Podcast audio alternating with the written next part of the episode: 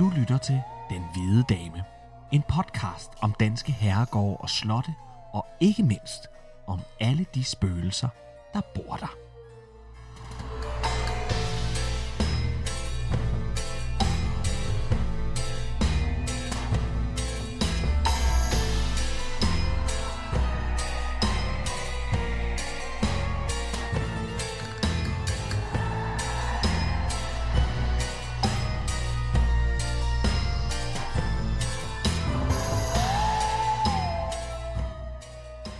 Velkommen til Den Hvide Dame afsnit 10. Hvis du er til Danmarks historie og spøgelser, så er du kommet det helt rigtige sted hen. Jeg hedder Trine Gadeberg, og overfor mig sidder Kasper Lefebvre. Afsnit 10. Hurra! Yippie! Det er jo jubilæum. Ja, det er jubilæum. Vi startede med at Det første afsnit Podcast, er fra 22. marts. 22. marts, ja. Ja. Og Danmark blev lukket ned den 12. marts. Ja, på grund af corona. Ja. Så det er jo, Så Ja. kom ikke at sige, at der ikke kommer noget godt ud af corona.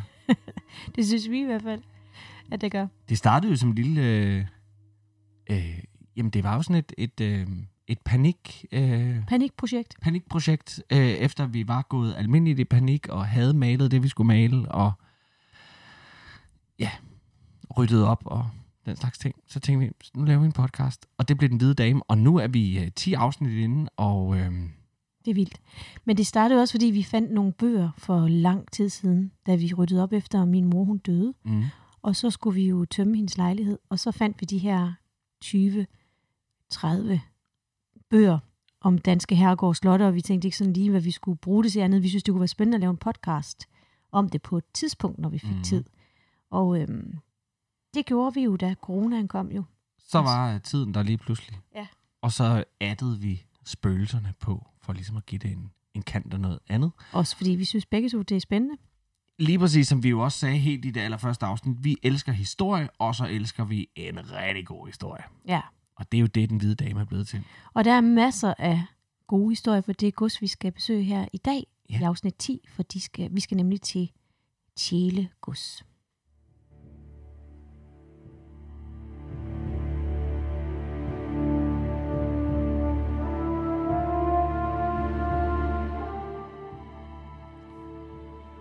Det hele startede med to brødre engang i slutningen af 1300-tallet. Nemlig de to herremænd Nils og Jeb Eskilsen af slægten Basse.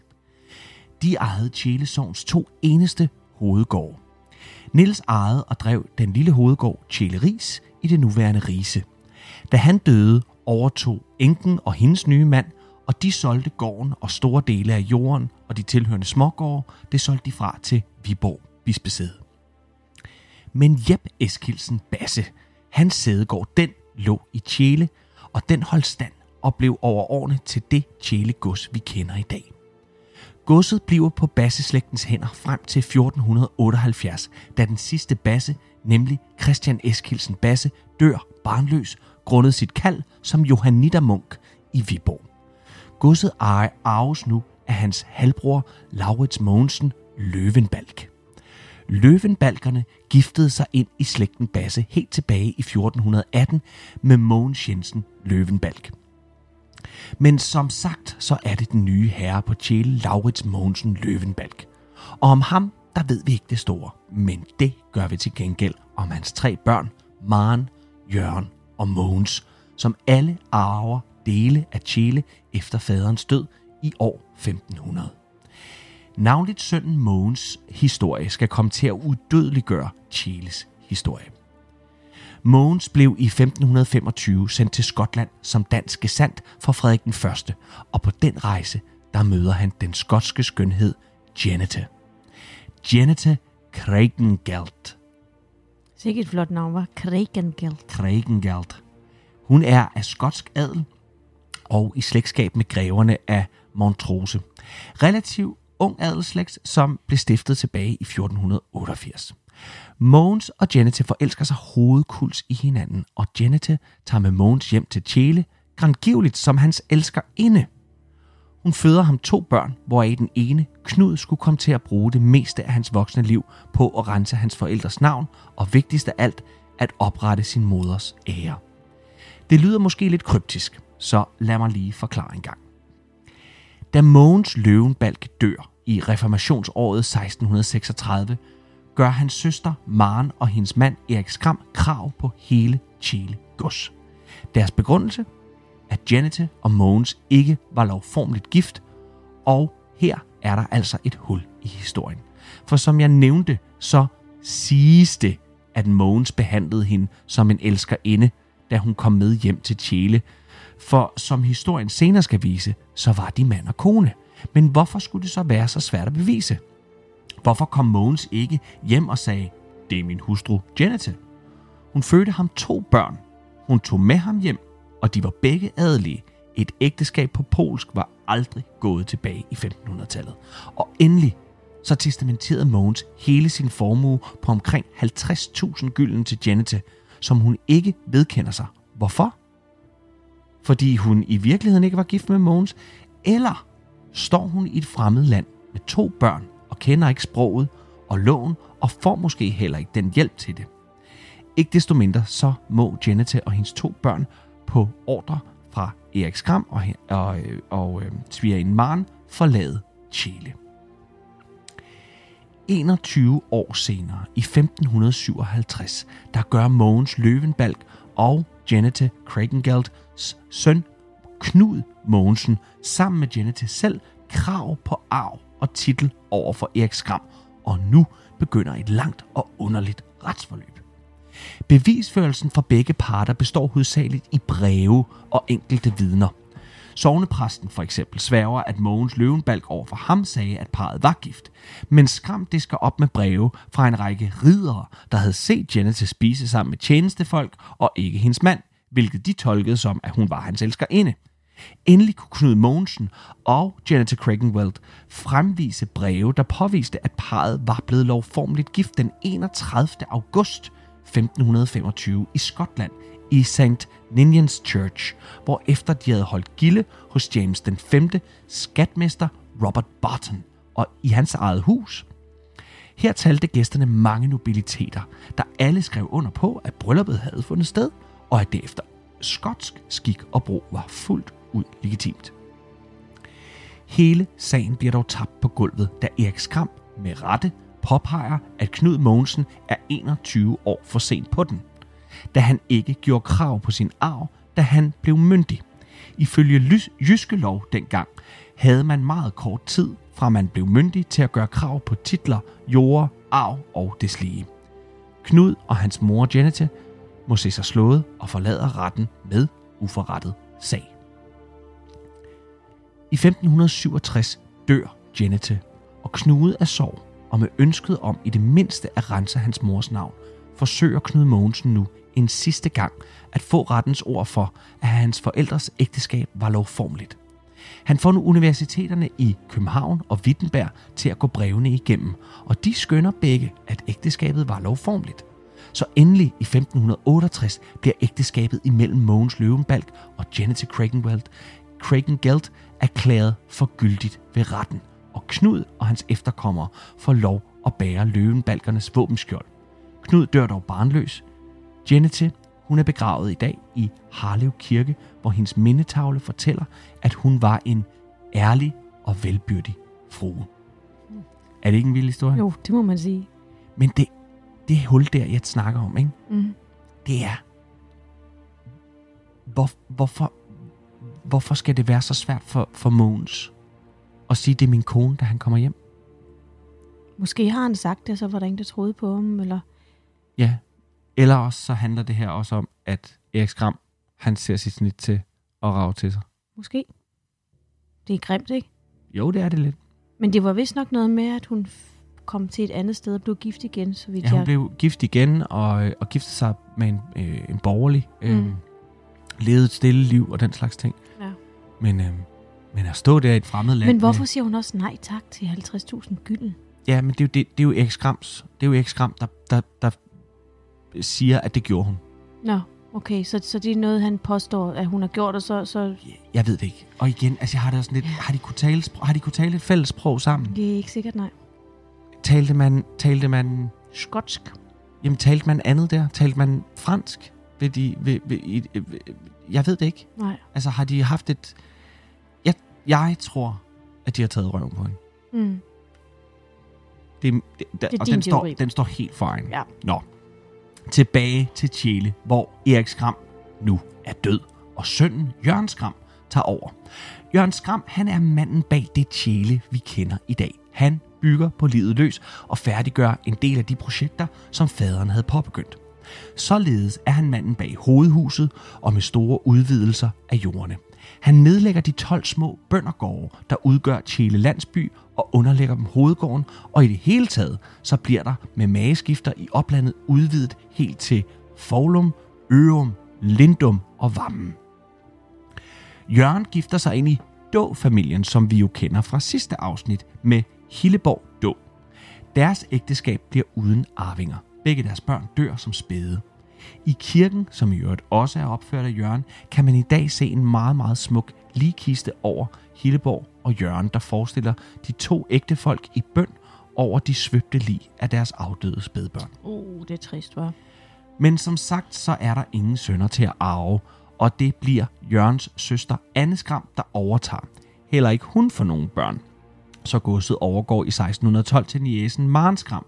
Heller ingen arvinger her, og så videre, og så videre, og så videre, ind til Tjele Gods. I 1635 ender hos den 17-årige Erik Gruppe. Den unge, i gåsøjne mand, må dog lige på en dannelsesrejse rundt i Europa og tage et par år som hofjunker, hvor han gifter sig med Maren Jul. De to når at bo på Tjæle et år, før Erik bliver udnævnt til lensmand på Aarhus Gård. Her dør Maren i 1647, hvor efter han bliver lensmand til Lund på Mors. Og så i 1651 flytter han hjem til Tjæle igen, hvor et efterhånden misligeholdt gods trænger til en kærlig hånd. Med sig til Tjæle har han sine to døtre, Anne-Marie og Maren, sidstnævnte kaldet Marie. Anne-Marie bliver gift med kanslersønnen Stykke Hø, og den kun 17-årige Marie med kongens søn Ulrik Frederik Gyldenløve. Begge ægteskaber ender i skilsmisse. Hold op. Anne-Marie bliver nu gift med Jørgen Arnfeldt til Rugård. En ivrig heksejæger, der med stort engagement drukner adskillige ulykkelige kvinder i sin egen voldgrav ved Rugård, for at se, om de kan svømme. Det er altså de her test, man lavede dengang. Ikke? Altså, man bandt dem, og så smed man dem ud i... Hvis de flød ovenpå, så var de hekse. Og hvis ikke, jamen så tog herren vel pænt imod dem, ikke? Nej.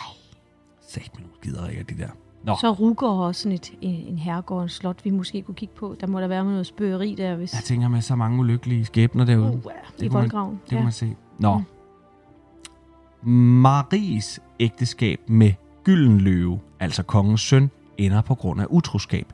Men ikke som man skulle tro fra Gyldenløves side, hvilket nok heller ikke havde udløst en skilsmisse dengang, men fra Maries side. Og her begynder historien om Marie Gruppe, som er gengivet et hav af gangen af blandt andet H.C. Andersen, Ludvig Holberg, Sten Stensen Blikker, J.P. Jacobsen og mange, mange flere. Meget åbenlyst har Marie affære med adskillige mænd. Hun skriver breve til dem og sender dem gaver. Blandt andet forelsker hun sig i hendes mands sekretær Joachim Lambert og skriver til ham, at hun elsker ham, og at om han vil elske hende igen, og ej glemme hende, og om aftenen anstille juleleje med hende og andre. Det er saftige Uh. sager. Efter syv års ægteskab, så bliver det dog for meget for kongesønnen, som opløser ægteskabet og sender Marie tilbage til Chile med sin medgift, som i dag svarer til adskillige millioner kroner. Mm. De mange penge, dem klatter Marie væk i løbet af kun to år, hvor hun rejser rundt i Europa og morer sig. Hun vender hjem uden nogen ejendel, fordi hun har formøblet alt. I 1673, der bliver Marie Gruppe så gift igen. Denne gang med Hermans søn Palle Dyres. Og de flytter til Trinerup Gods. Men også i dette ægteskab begynder utroskaben at blive systematisk fra Maries side. I 1685 der vender parret hjem til Chile for at hjælpe med forpakningen af godset, da Erik Gruppe nu er en mand på næsten 85 år. Her begynder der en fejde imellem svigersønnen Dyres og Arnfeldt, der begge ser sig selv som retmæssige arvtager til Chile efter den endnu ikke døde Erik Gruppe. Det har været festligt på Chile, var. Hold nu op. Ja, Stakkels mand. 85 år gammel. ja, så bliver der kæmpet. Hold nu op. Jamen, og, ja, og, øh, og døtre, der bliver skilt, og Ja. det har været Ej, et ja. leben, kan jeg love dig for. Ja. Og så begynder Maries adfærd at eskalere. Hun kaster nu sin kærlighed på kusken Søren Møller, med hvem hun hver nat åbenlyst går i seng med. Hun smider tjenestepigerne ud af deres værelser for at bruge deres senge, og så kan de ellers sidde i køkkenet resten af natten. Sådan forlyder det i hvert fald for tjenestepigerne selv, da en høring under den kommende skilsmisse fandt sted. Til sidst smed hun dem ikke engang ud af værelserne, men var sammen med Søren Møller i deres påhør og påsyn. Ej, det er jo vildt. Jeg tænker på, det var det 1700-tallet, eller 1673, eller Mhm. mm-hmm. deromkring? Hold da fast. Ja. Det er ikke en historie. 1685 er vi oppe i. 1685. Det bliver som sagt for meget for folkene på Tjæle, og ikke mindst for Erik Gruppe selv, som skriver et klageskrift til kongen, hvor han anmoder om lov til at opløse ægteskabet imellem hans datter og svigersøn og sende Marie til forvaring på Hammershus på Bornholm. Hold op. Så skulle hun derover. Men Dyres kommer ham i forkøbet og begærer om skilsmisse, som han får i 1691. Herefter stikker Marie Gruppe og Søren Møller af og flakker omkring et par år, før de til sidst slår sig ned på Falster ved Grønsund, hvorfra de driver en lille kro i Borgerhuset. Her ender det galt for Søren, som i 1711 dræber en skipper efter nogle overensstemmelser og bliver dømt til livstid på Bremerholm. Se, imens sagen mod Søren står på, der får han og Maries lille kro Borgerhuset besøg af selveste Ludvig Holberg. Og han får hele den historie, som jeg lige har fortalt af Marie Gruppe selv. Hun fortæller Holberg, hvordan hun trods omstændighederne er langt mere lykkelig i hendes ægteskab med Søren, og har det sjovere i sit liv som kromutter, end hun havde i de fornemme ægteskaber. I 1718, der dør Marie Gruppe, fattig og alene, næsten 80 år gammel. Hmm. Der er ikke noget at sige til, at den her historie har inspireret de her unge digtere, Nej, øh, fordi hun, hun er... havde jo alt. Hun har været gift ind i kongefamilien, mm. og, ender, øh, og ender som kromutter. Ja, Og, ender. og, og, Endda mere end det. Altså, hun ender som ludfattig, da hun kommer tilbage. ja, også det. Ja. Men står ved, at hun har det langt mere sjovt. Nej, hun kommer ikke tilbage. Det er jo det, hun ikke gør. Hun, hun dør simpelthen på kronen, eller hvad? Hun- dør, øh, hun dør øh, m- man er lidt i tvivl. Man ved, at hun, øh, hun modtager en eller anden form for øh, fattighjælpsydelse, mm. som dengang har været på tre ristaler om året. Mm. Altså, jeg, jeg, jeg ved ikke, hvad det er, og jeg ved ikke, om man overhovedet kan, kan komme nogen vejen for det. Mm. Men, men der er ikke noget at hente for hende. Nej. Og spørgsmålet er, om hun egentlig også bare ikke... Altså, hun vælger ikke at få hjælpen hjemmefra. Mm. Altså, jeg tror, hun har været skide stadig. Jeg tænkte, skid, det vil jeg skide på. Eller så turde hun simpelthen ikke at komme tilbage. Og også. Se, alle de her detaljer, dem ja. er Ja. jeg helt sikker på, at hvis man... dykker- der er skrevet masser af biografier om Marie Gruppe, og der er lavet øh, teaterstykker, der er skrevet digte, der er alt muligt. Det er bare at dykke ned i det. Men jeg synes, det var en meget... Øh, jeg synes, det var en ret fantastisk historie. Mm. Se, i... Og vi slipper hende nemlig ikke lige helt, for jeg fandt nemlig over noget lidt sjovt. I 1997, der skrev neuropsykolog Lise Elers en teori om Marie Gruppe, nemlig det, at hun kunne have været hjerneskadet. Der fortælles nemlig om et styrt fra hest i hendes tidlige teenageår, og det kan have skadet hendes frontallapper, som vi kender det blandt andet fra bokser og amerikanske fodboldspillere, der efter nogle år begynder at agere aggressive, uden følelser, ingen risikosvurdering, øh, øh, øh, øh, og i de grældeste tilfælde, så munder de jo ud i mor. Altså hvis man tager sådan noget som O.J. Simpson og sådan noget. Hvis man tror på de her teorier. Mm. Øhm, Det er i hvert fald noget, man har snakket om i, i nyere tid. Meget det der med, at mange man har gået ind og set de der morder. Ja, seriemordere. Har, haft, prob- ja, har, haft, har de haft nogle fald på et tidspunkt, ja. hvor de har slået hovedet?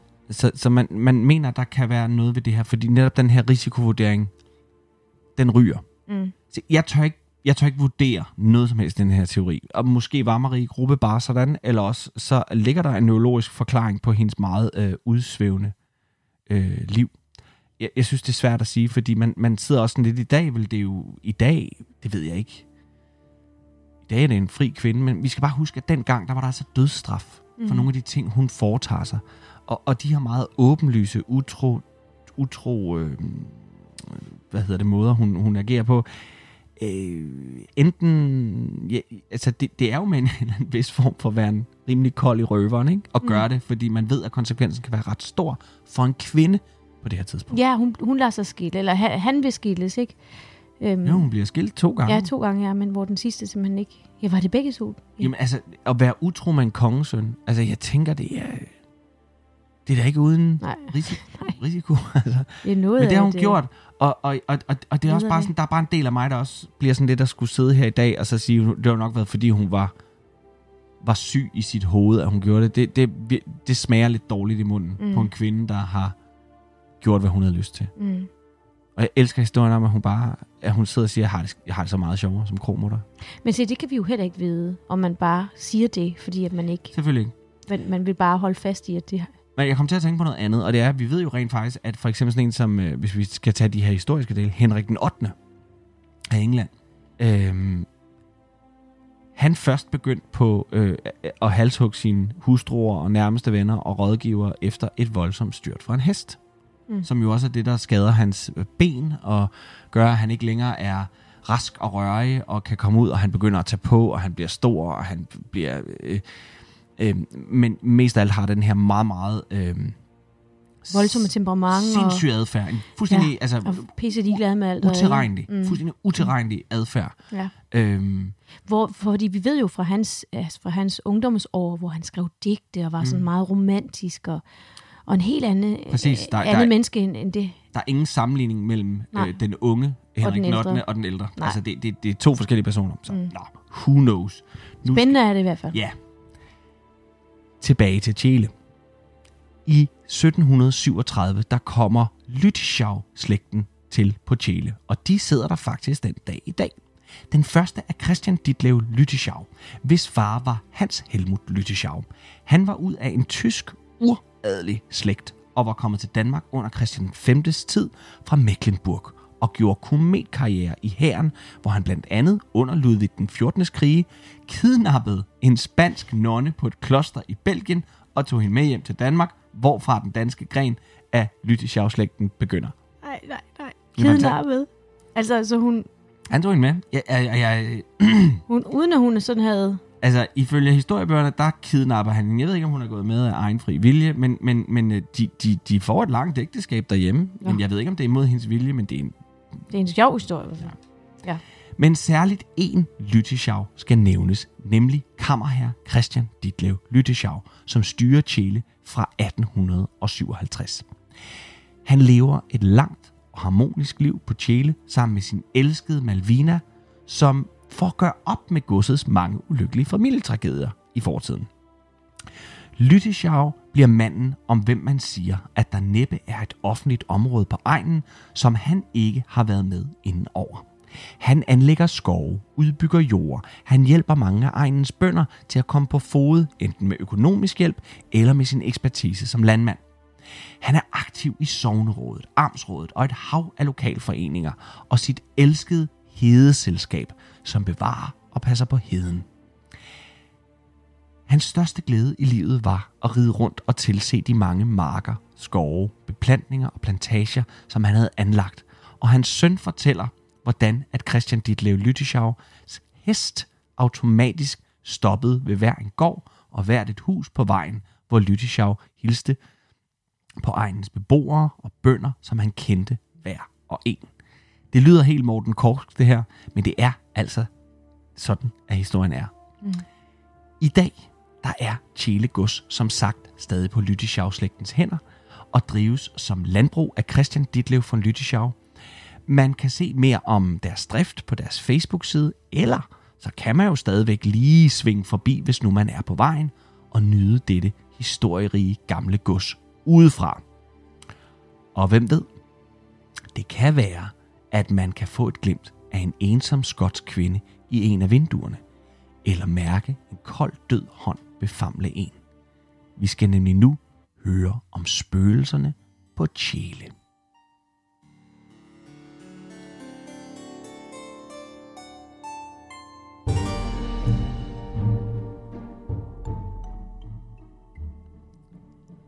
Det har været en lang, lang dag, men en god dag for gardneren på Tjelegus. Efter endt arbejdsdag, så stod han så og talte lidt med de andre medarbejdere på godset. Og de snakkede atter en gang om spørgerierne på godset. Men gardneren, han grinede bare højt. Han troede ikke på det, ikke over en dørtærskel, men han tog så grueligt fejl. For alle gik de, de gik hver til sit og hjem til deres hjem, og således gjorde gardneren det også. Han boede i, i Sønderhuset, faktisk et af de ældste bygninger på godset. Nærmere betegnet den skotske kvindes kammer, altså stenhuset, som, som det kaldes for. Janete, var det det, hun hed, Kasper? Janete, hun, hun boede sammen. Skotske kvindes kammer, ja. Præcis, ja, hun boede der.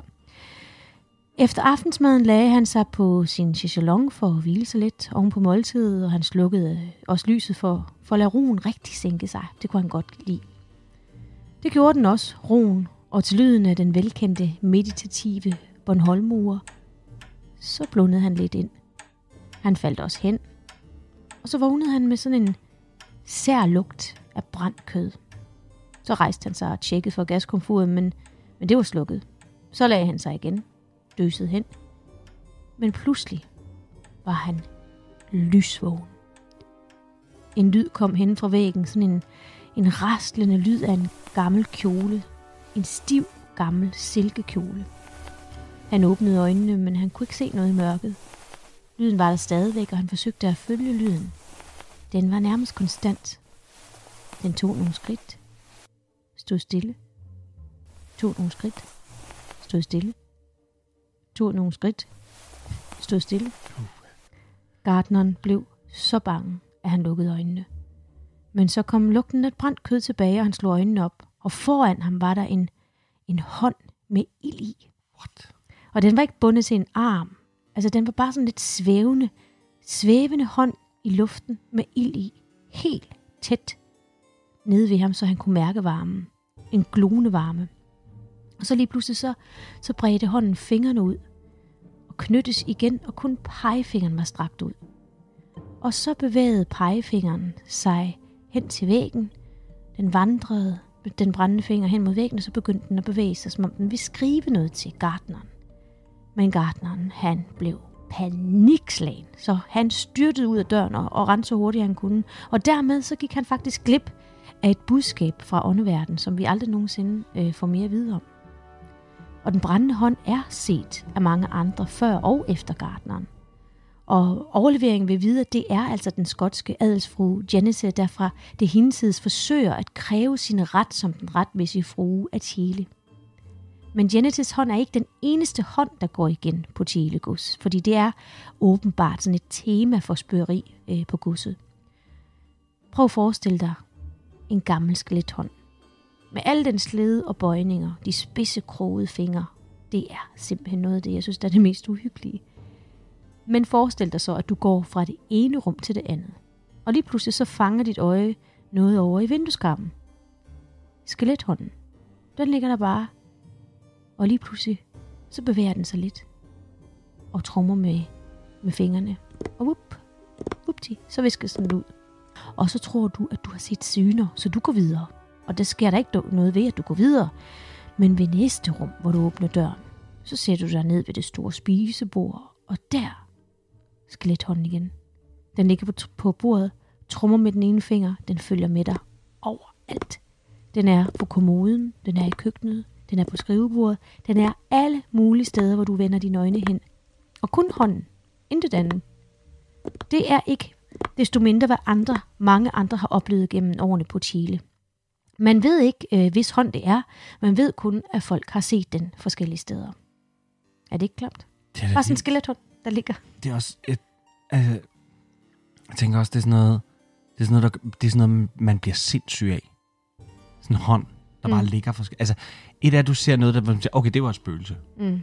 Men en hånd, jeg har aldrig hørt om det før. Nej, det er bare en hånd. Og, og det, det er ikke en hånd med kød på eller negle. Det er bare ja, det er sådan en skelethånd, skelethånd, der ligger og trummer i bordet. Ja. Det er vildt. Ja, den er ret sjov. Men der er flere hænder endnu, Kasper. Flere hænder? Der er flere hænder. En ung tjenestepige, hun var i færd med at redde seng på et af værelserne.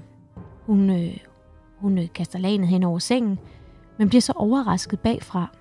En hånd glider op under skørtet på hende og befamler hendes underliv. Nej. Hun bliver først forskrækket, og dernæst så bliver hun rasende. Og selvom det hele går så stærkt, så øh, formår hun at råbe navnet på en staldknæk, som plejer at gøre kur til hende. Hun råber til ham, vender sig om for at smække ham en ordentlig lussing. Men det bliver en lussing ud i den blå luft, for der er ingen. Men nu går det op for hende. Hun kan i hvert fald mærke, at hånden er der endnu. Hun bliver stadig befamlet. Så løber hun skrigende ud på gårdspladsen, nærmest som besat, og forsøger at få den der fornemmelse af det faste håndtryk væk fra skridtet. Det er så ubehageligt og så grænseoverskridende, at kunne mærke sådan en hånd i skødet, men ikke at kunne vappe den væk. En hånd, der sådan føles som is og mærkes så helt og aldeles anderledes end en almindelig hånd. Og efter nogle minutter så aftager det, og pist, så er det væk. Og hun havde faktisk godt hørt inden for byen, at, at der ikke var nogen kvindelige tjenestefolk, der havde lyst til at tage arbejde på Tjelegos, fordi der fulgte nemlig altid en kold hånd med øh, op over, skør, øh, ind under skørtet, hedder det. En hånd fra det hensides. En hånd, der i sin tid havde tilhørt Gert Didrik Levetsov. En gammel, liderlig en af slagsen. Ja, tak. Ingen kvinder kunne føle sig sikre i hans selskab. Han befamlede dem og var utilregnelig. Han blev aldrig gift, selvom han en gang han forsøgte sig med en pige fra Fyn. Da hun ankom til godset, var hun øh, tre dage forsinket. Og det bød man ikke en ritmester, det vi i dag vil betegne som øh, major. Han var vant til punktlighed, han var vant til, at folk skulle parere ordre. Det pissede ham kort sagt af. Så han hæv øh, den fynske pige ud af kareten, trak hende ved håret over i mødingen, og der rullede han hende tre gange. Hver gang hun lige kom op og skulle hive efter vejret, Nej. smed han hende ned igen. En gang til. hun hylede, og hun skreg. Men det var Gert Didrik aldeles ligeglad med. Han smed hende ind i vognen igen med mudder og det hele, og så kom hun ellers tilbage, hvor, hvor hun kom fra. Det er sjovt nok, fordi den her detalje, den kostede ham 1000 rigsdaler, som på det tidspunkt var rigtig, ja. rigtig mange penge. Han var til med så fræk, at han sendte pengene tilbage til familien i enskillingsmønter. Så, så kunne skøn jomfruen jo bruge det meste af tiden på til Når han betalte Penge. bøden i enskillinger. Yes, og jeg ved ikke, hvor mange det har været, men det har været Ja. rigtig, rigtig Jeg ved mange. ikke, hvor mange skillinger, der er gået på en rigsdal, men nej, nej, Men prøv at forestille dig hver gang, fordi de havde jo ikke et dankort på det tidspunkt, eller Nej. mobile pay. Så hver gang hun skulle betale noget, skulle hun tælle alle de der små mønter op. Det må, det må være forfærdeligt. Det var ligesom, når man til sin konfirmation fik pengetræer, hvor der var blevet Ja. sat, det var helt, hvor der var sat 1000 kroner på med 1 krone eller sådan noget. Det var sikkert har været meget. Nej, hvor irriterende. Var det irriterende? Ej, jeg synes, det var spændende, for de 1000 kroner, det tror jeg aldrig, jeg havde fået. Men det, Nej, jeg tror det heller ikke på den måde, men jeg, du ved, jeg mindes bare sådan nogle pengetræer, det var sådan noget, man fik. Og så fik man da altid mønter, for de så flot ud. Ja. Ja. Jeg ved det ikke. Nå, men han var altså en fandens Karl. Han havde damer rundt øh, i egnen, som han holdt med hus, ikke? Til gengæld så fik han så, om man så må sige, fri adgang til madammen og husets soveværelse. Og det kom der rigtig, rigtig mange børn ud af. Ikke nogen, han sådan tog, tog sig notits af, men det kom der mange børn ud af. Mm. Han var selvoptaget, og han var helt 100% sikker på, at hans eftermæle ville blive mødt med ligegyldighed. Så derfor, af frygt for det, så fik han opført en sarkofag i marmor. Og øh, den blev båret af, af kvinder med sådan en ordentlig brystparti, fordi han, han, han, han synes, at kvinderne altid havde været villige over for ham. Eller så havde de ikke noget valg, de her kvinder. Han er selv i helfigur med det ene ben foran det andet. Man mener så også, at det var fordi, at hans ene ben simpelthen var længere end det andet, så det var derfor, han stod på den måde. Han døde en ejdommelig død i 1737, skønt det var blevet spået ham, at dødstallet var 1740. Men han sad og læskede sig med mad og drikke sammen med præsten, da han lige pludselig fik den idé, at de skulle more sig videre i kirken. I selve sarkofagen. Der skulle de spille kort. I sarkofagen? Ja. De skulle sidde op i De det? skulle sidde op i den, ja. Nej. Sarkofagets, øh, sarkofagen stod i kapellet, hvor Gert Didrik tit kom. Der kom han simpelthen og nød sarkofagen, altså hvordan den så ud, og forlidede sig med tanken om, at det var her, han skulle være i døden, altså det skulle være hans bolig i døden. Mm. Men præsten, han var godt besoffen, og han mente, det var en strålende idé. Så de tog en masse vin med, og så kravlede de ned i sarkofagen. Der sad de og spillede kort og hyggede sig. Noget så gevaldigt. Men lige pludselig, lige pludselig kom der et stort suk fra Gert Didrik. Et suk, som viste sig at blive hans sidste. Han var død. Stendød. Og nu er der så øh, tre forskellige varianter, hvad, hvad, hvad der så skete efterfølgende.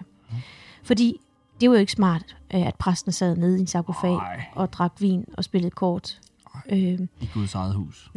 så, øh, man, den ene variant går på, at han løb over til godset, slog alarm og lod rigtmisteren sidde, hvor, hvor han sad, og, og hvor efter de simpelthen bare øh, lavede kisten der, hvor, hvor, hvor han sad og smækkede låget på.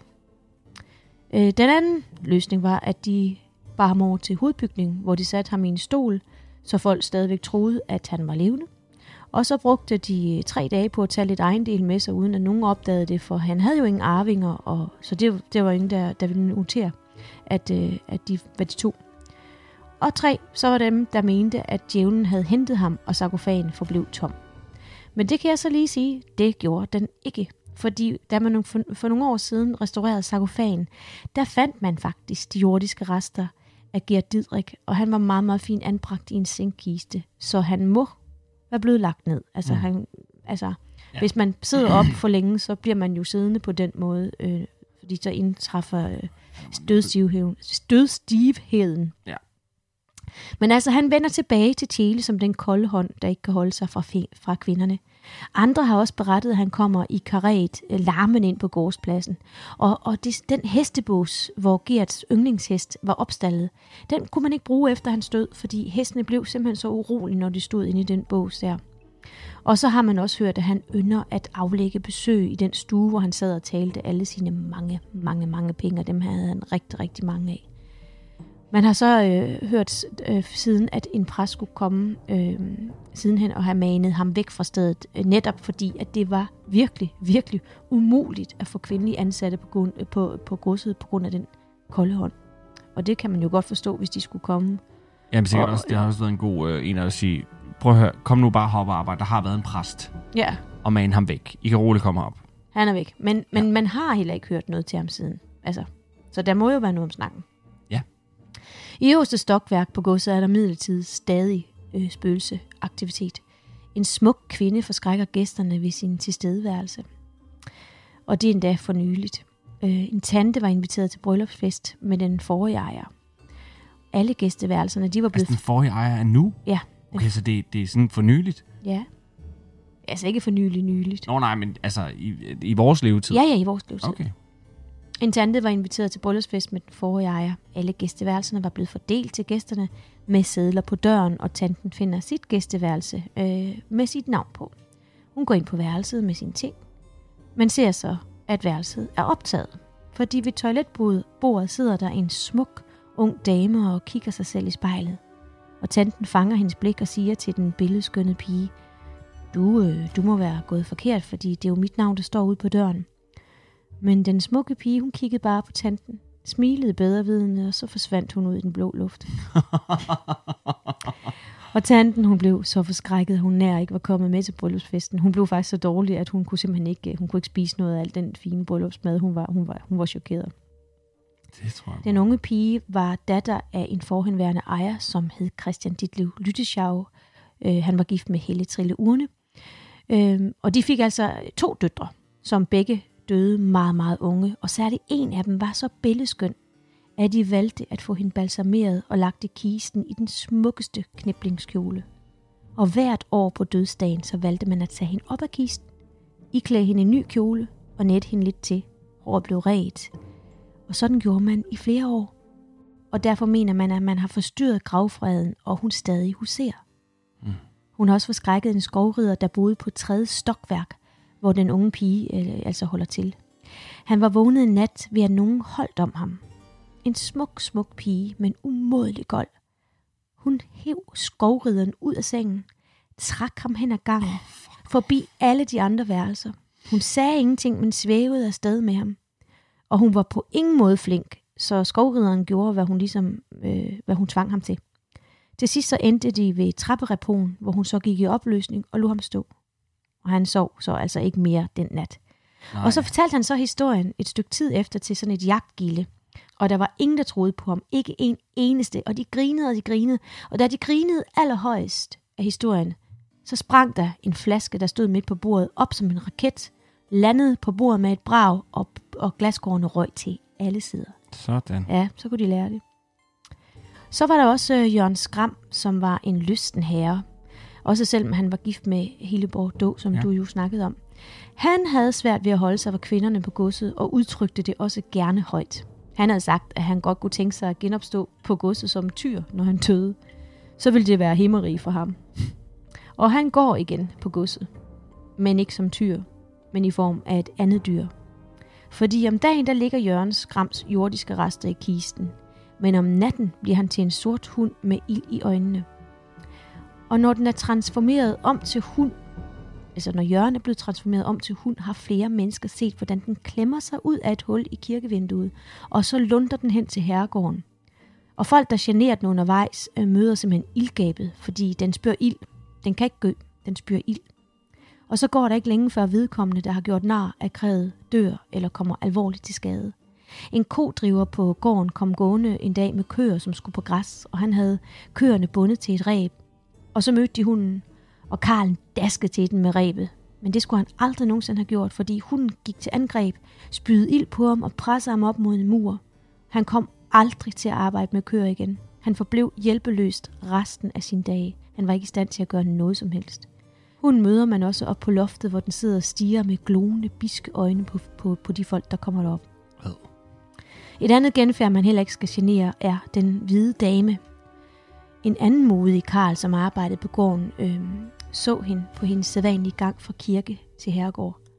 Han råbte på hende, og hun svarede ikke. Så råbte han igen. Hun svarede ikke.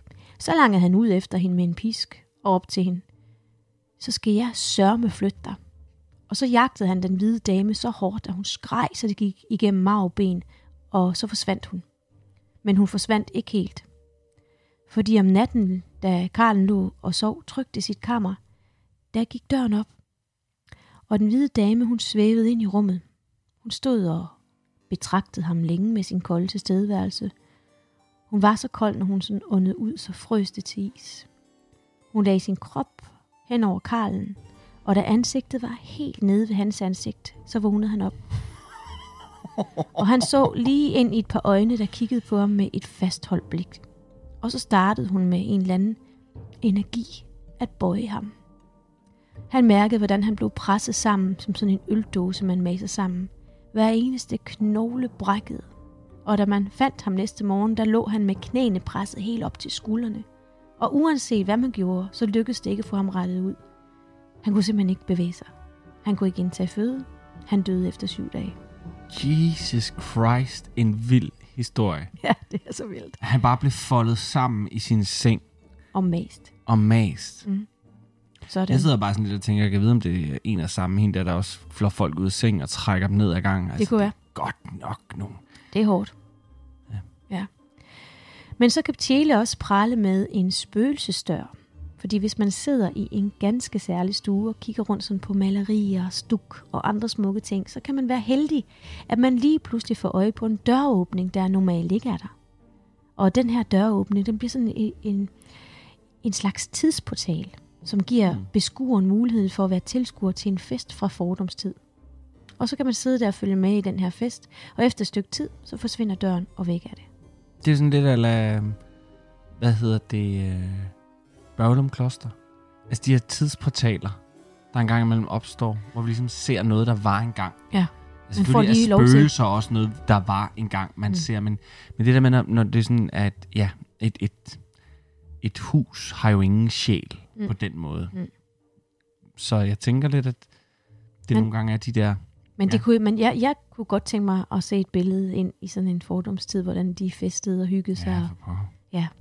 Men så er der jo ligesom på mange andre godser og slotte en ting, man ikke må fjerne fra Ja, Tjele gods. Det har vi hørt tit, ikke? det er en klassiker. Og på Tjele gods, der drejer det sig om en fork. Nå. Øh, den hænger i porten ind til hovedfløjen. Og tager man den ned og smider den væk, så, øh, så går det Tjele rigtig, rigtig dårligt.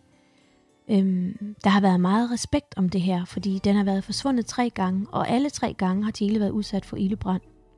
Man er endda gået så vidt og tilkaldt kriminalpolitiet, og så har politiet og alle folk på Tjele søgt højt og lavt for ikke at udsætte stedet for mere brandskade eller andre ting, der kunne ødelægge stedet. Det er vildt. Bum. Så den fjerner man ikke. Det skal man uh, passe på med. Nej.